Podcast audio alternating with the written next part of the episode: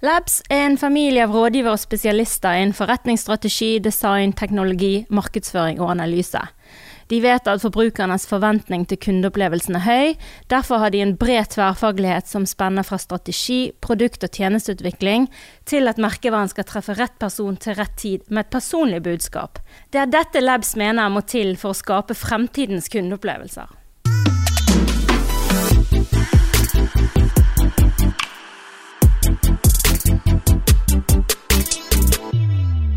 Welcome to this Market Map podcast. Today I have the great pleasure of inviting Livia Fioretti, metà italiana, meglio brasileira. Mm-hmm, exactly. Lives in London. She is a passionate uh, trend analyst at Trend Watching. She loves culture, consumer insight, and inspiring creativity. I've also seen that you're actually an artist as well. Uh, I've looked at your uh, project Pequeño Mostrino. Exactly. Yeah visual poetry and how technology impacts people's lives. I mean, I, I love the sort of wide range of uh, probably your mental universe, and I also think you have a very poetic name. Thank you. Um, you've been here at Market um, Remix and talked about the future, and everybody wants to know what's coming. Uh, and I love the way you say we put behind the 2010s, we're we are well into 2020. Uh, can you can you show us the light? Where are we going? Where are we heading? um, that's that's a funny thing when I say that I'm a trend analyst. People usually think about the future, but the point is that we do talk about the future, but by understanding the present. Mm-hmm. So, at trend watching, what we do is that we study customers' expectations, and by understanding uh, what will customers, what do customers want, we can understand what they will want next. Yeah. By looking at different innovations and studying expectations. Mm. What kind of studies do you do com- concretely? We study consumer trends. Mm-hmm. So basically, as I just said, is focused on customers' expectations. Mm. So when we have uh, customers' basic needs, um, so you can think of Maslow, you can think mm-hmm. of your basic needs and mine. And at the same time, we have many different kinds of change. And this change that we feel like it's accelerating, we can think of economical change, political change, mm. social change, cultural change. Yeah. When those two forces combine, we see the rise of new expectations. Mm-hmm. So, uh, as I was saying today, you can think of Instagram and how yeah. Instagram found a way to connect to the changes and to foster change, but at the same time tackling. Um, self imagery and how we portray ourselves to others mm. and identity. So, I guess by understanding those two forces, you can have an idea of what your customers or what people will want next. Yeah. So, it's not about Instagram, it's what Instagram facilitates for people and the consequences of that. But you have a, uh, you've talked about the expectation economy that we're in. Can you explain the term? Exactly. The expectation economy is the process in which one expectation shifts from one industry to another. Mm-hmm. So, one example that now it's a bit quite old, but I think it illustrates quite well is Uber. They made a study saying that whenever Uber gets to a city, your waiting time decreases to eight minutes. You wouldn't oh. wait for more than eight minutes. Uh-huh and when you get used to not wait for your transport for eight yes. minutes, you would also be more impatient when it comes to your restaurant. Yeah. Uh, or when you need to call your, uh, I don't know, a telephonic agency. Yeah, or waiting for a bus. Or waiting for a bus. You do have that expect. When one expectation rises on your mind, mm. it doesn't really mind if it popped up because of transport. It will transfer to other industries. Yes and that's why most brands even though they don't consider apple for design or spotify for personalization mm. or amazon for customer experience uh, as their direct competitors they are in a way or another yeah, yeah.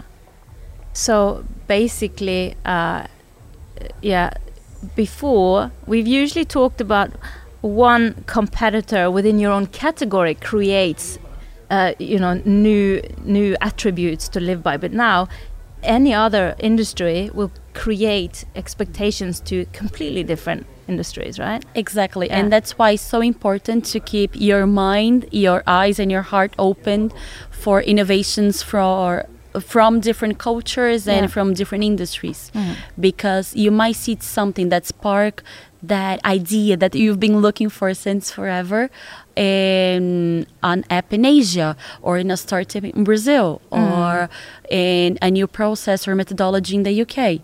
So that's the good and that's the good thing about internet and about communication and globalization in a way. You've been talking about brand avatars, and I guess um, are they a consequence of the influence sort of period that we've lived since Instagram or the bloggers? Is this a consequence of Not that? definitely, but not only that at the same time. Because Instagram, in a way, I used it as an example, but it's nothing but an app on your phone. yeah. So I think brand avatars that uh, they're basically um, an evolution of how we are interacting with different channels. And not only in those expectations that these channels bring to us. So you can interact with an out of home piece with your phone or you can get hired by mcdonald's with a snapchat filter or by just calling alexa so consider we have different touch points and brands want to be a part of it. They want to be part in the gaming industry. Um, there are so many different touch points and so many different opportunities in a way that it's important for brands to step up their game when it comes to their identity and to what they promise in a way. uh, the interaction are we are we willing to interact with virtual characters was one of your sort of questions to the audience and i don't know what people think but then you show how it's done and uh, it opens up tenfolds of opportunities can you can you tell us about the case that you referred to in your speech today Um, so, well, we have. well you had several but you Yeah. had the one uh, the gaming the gaming one. Yeah. So it's interesting to think that the gaming industry, even though it's not the first thing that brands look at when they are considering their new market plan, but the gaming industry right now is bigger than um, film and music together. And we have unexpected brands joining this game, Yeah. literally, Yeah. like Louis Vuitton, that they just launched. Uh, they created a tailor-made uh, traffic travel case for the trophy Uh-huh. of Right Game Year uh, Championship. Or Ford, the automaker, they launched, they created a brand to launch themselves into a new game or even this uh, startup startup in Japan that they created a virtual companion.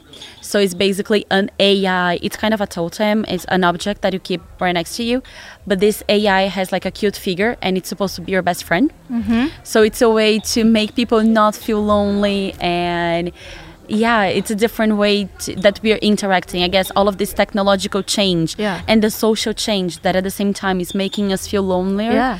We are stepping up the game for brands. We want them to be more real, to be closer, mm. to be tailored for us. Mm. So, and these kinds of technologies and avatars that brand can coin, I guess they deliver this kind of, um, yeah, this kind of experience. Mm-hmm.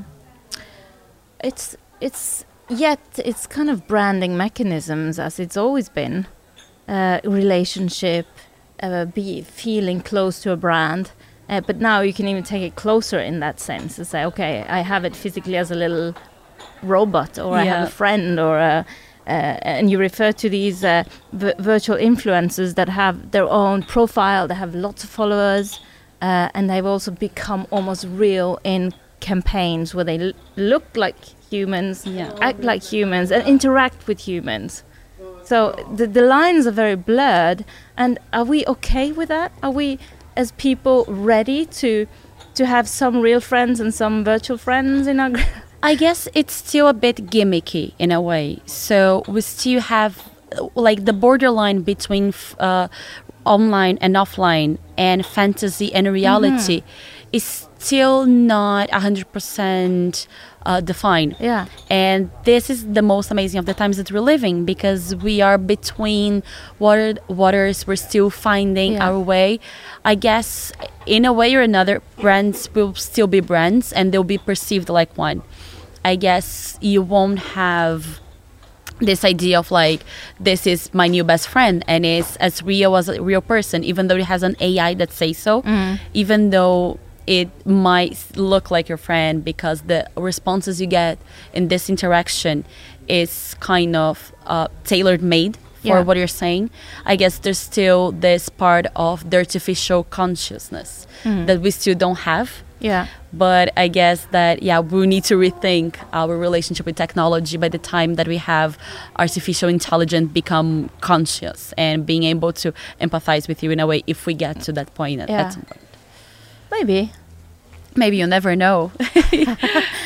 Or maybe it's fine that it's not the same. Uh, Good enough, or it's good for something else. I'll I'll interact with my virtual friends in some situations just because it takes me away from reality, and that's maybe good enough. exactly. We're always looking for escapism in Yeah. a way. It's we're trying we have such a hectic routine nowadays between work and personal life and Yeah. things you aim to do that I guess we have this trend that we call fantasy ROL that we talk exactly about this borderline and the fact that you don't really know uh, Mm-hmm. because at the same time humans we always told stories the only Yeah. thing is that now we have more technologies Yeah. and more supports to do so yesterday i was taking a look at this innovation in brazil which i think is, is impressive from a water park that they give, they give to you a headset with a 4D experience. So you listen to the sound of the sea. Um, you and you view you look in the AR uh, the image of the ocean, and you feel and you're swimming in a swimming pool. So you look.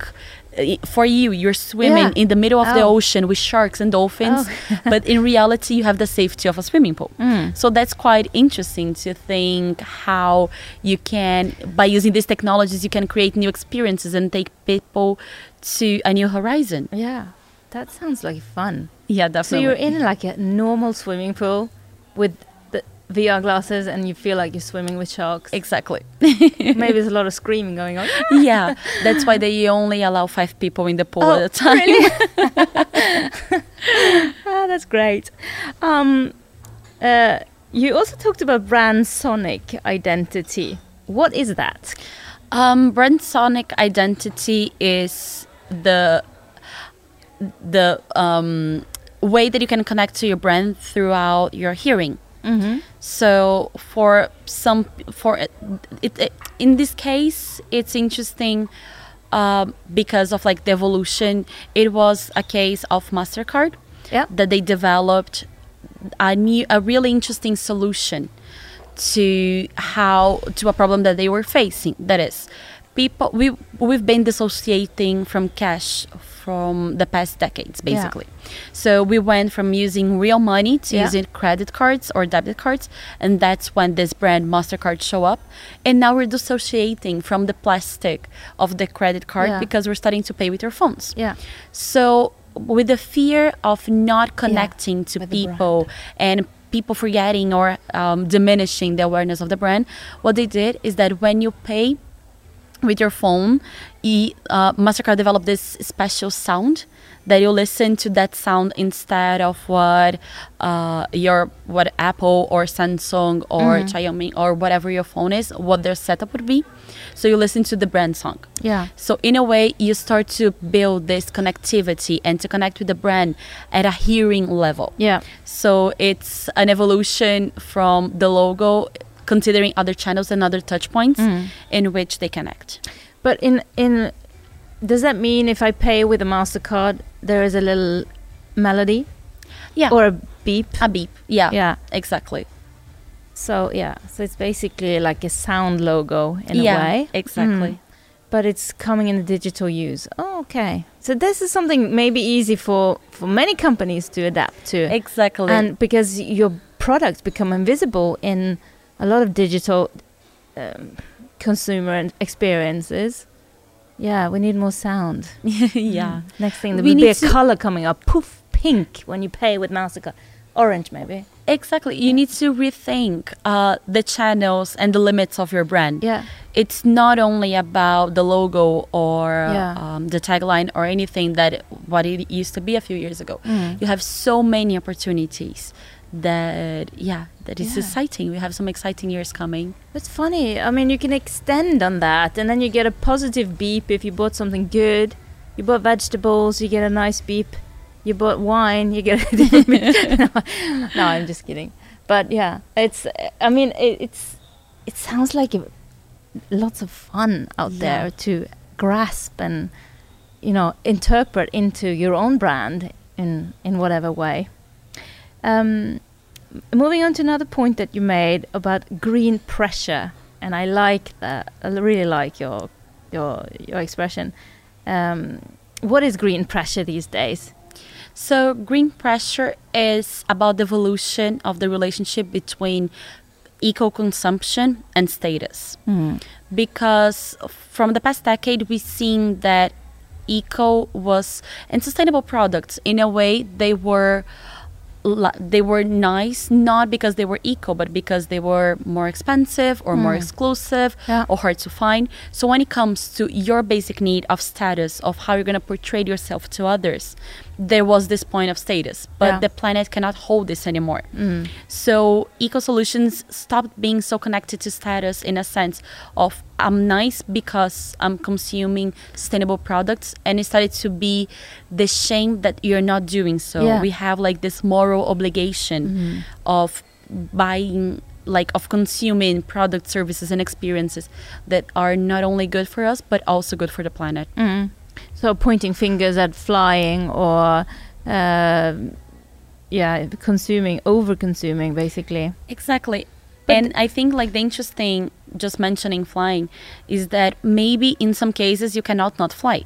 Yeah. It's impossible. It's impossible Yeah. to move and it's one of like the grand advantages of the times that we live. yeah. But there are things that you can do at the same time. You can compensate your carb- carbon footprint. You can try to pressure uh, companies to change uh, kerosene and petroleum for sustainable materials. Mm. You can try to fly less. It's not about feeling guilty every time you do something bad because Yeah. if not, like society, that's what not if- how it works. Yeah, it's going to be quite a depressing place, and everybody is going to run around and be moral policing everybody else. Exactly. And but there are many opportunities for brands uh, to try to do the right thing. Just Mm. as KLM, the Yeah. Dutch airline, they created this campaign that is called Fly Responsibly. And it was an airline telling people to take the train whenever they can. Yeah. So it's quite there's a, an interesting touch point, an attention Mm. that is real. Mm. And I guess that's what brands and marketeers need to have in mind. Yeah. Because this shame avoidance. I mean, do we need to? How can we avoid the shame? I mean, can we? You've re- referred to a product called the economy. Yeah. Is it a product? It's a service. yeah, Doconomy is a startup, Yeah. and they joined forces with Mastercard to launch Dough. So Yeah. it's in collaboration. All right. Mhm. Okay. So explain this Doconomy. So, well, Doconomy is a startup, and what they do is that with the within this project, they released a card, a premium card for the typical black um, card that is Credit super card. credit card exactly Mhm. that is super premium, and what it does is that it doesn't count. It doesn't calculate your limit according to your finances, what you have in your bank account, Hmm. but with the carbon you emit every time you consume. Yeah. So it's not because you ran out of money that your credit card will stop working, but because you reached the peak of what you said that would be your CO2 emission. Yeah. Because whenever we consume, we are uh, emitting the CO2 of the process of creating of the material or many other things. Yeah. So it's just this matter of rethinking and repurposing sustainability. I guess that's what green pressure is all about. So it's actually rethinking. It's a new currency. The the carbon footprint is a new currency on the stock market. Definitely. So basically, if I've spent, I've bought uh, too much uh, fast fashion and too many plane tickets, I've uh, exceeded my limit of, and then my card stops working, Exactly. even if I have money. Even if you have money. Maybe this is the solution for Yeah. for my money. Yeah, Yeah. yeah. but but um, yeah, I think also what it challenges uh, again back to what you started saying. This will be uh, challenging all the established ideas of uh, bonus and reward cards that usually give you a consumption bonus. So if you have a KLM's card, you will get uh, bonus points for uh, to, in exchange for buying t- new tickets or hotel rooms or and so on. exactly. Uh, sustainability can also be used as a reward. Yeah. just as a resort that is going to be that will open in Finland in 2022 that what they say is that their price range won't be according to established Yeah. uh, price table Yes. But it you're going to pay according to your carbon footprint Yeah. so if you spend less carbon together and during your stay you have you have cheaper vacations if not you're going to have really expensive vacations Okay, so you're gonna be penalized for a big foot carbon footprint and pay more than the real green people. exactly yeah. So there is a little policing in that also, though. But I, I see the interest in being rewarded for the good with the good instead of saying we'll reward you for consumption with more consumption. Exactly. It's a ch- it's a change of mi- of mindset that we're going to be living this, now. honestly, is it going to kill the whole sort of reward card business, or they need to rethink the uh, rewards exactly. Not at all. Just as with the memberships? Exactly. Uh, the point is that one new technology doesn't necessarily kill another. It might made us made it be reborn or rethink, Mm. or maybe we're gonna see more con- yeah like rewarding programs in which you give free products or Yeah. it depends as well on the purpose it's just that considering that uh, capitalism in a way brought us here brands must be aware of the products that they're launching Mm. and because uh, brands that just launch uh, overconsumption and mass consumption products will start little by little fading away or losing Yeah. their their power in a way and we see that happening with fast fashion for instance Mm. uh, brands are are like being obliged to rethink their processes their purpose and their prices they offer Mm. if not they will probably in in a few decades they will be completely out of the market Mm. What is your sort of last? What are you foreseeing? What's the sort of last takeaway for what's coming the next few years beyond the brand avatars and the green pressure? I think we have uh, we're living amazing times. So we'll start to to broaden our mind in the sense that we'll look not only to status of how we portray ourselves, but we'll start to care with who we interact with brands, uh, who we want to be part of us, and we want to be part of their game. Mm. And we'll start to have uh definitely a greener kind of perspective towards Mm. consumption. Yeah. Thank you very much, Livia. This was a very enlightening and interesting conversation. Thank you for having me. Takk for at du hørte på denne episoden av Market Mad. For å holde deg oppdatert på kommende episoder, husk å abonnere på podkasten i din podkastapp.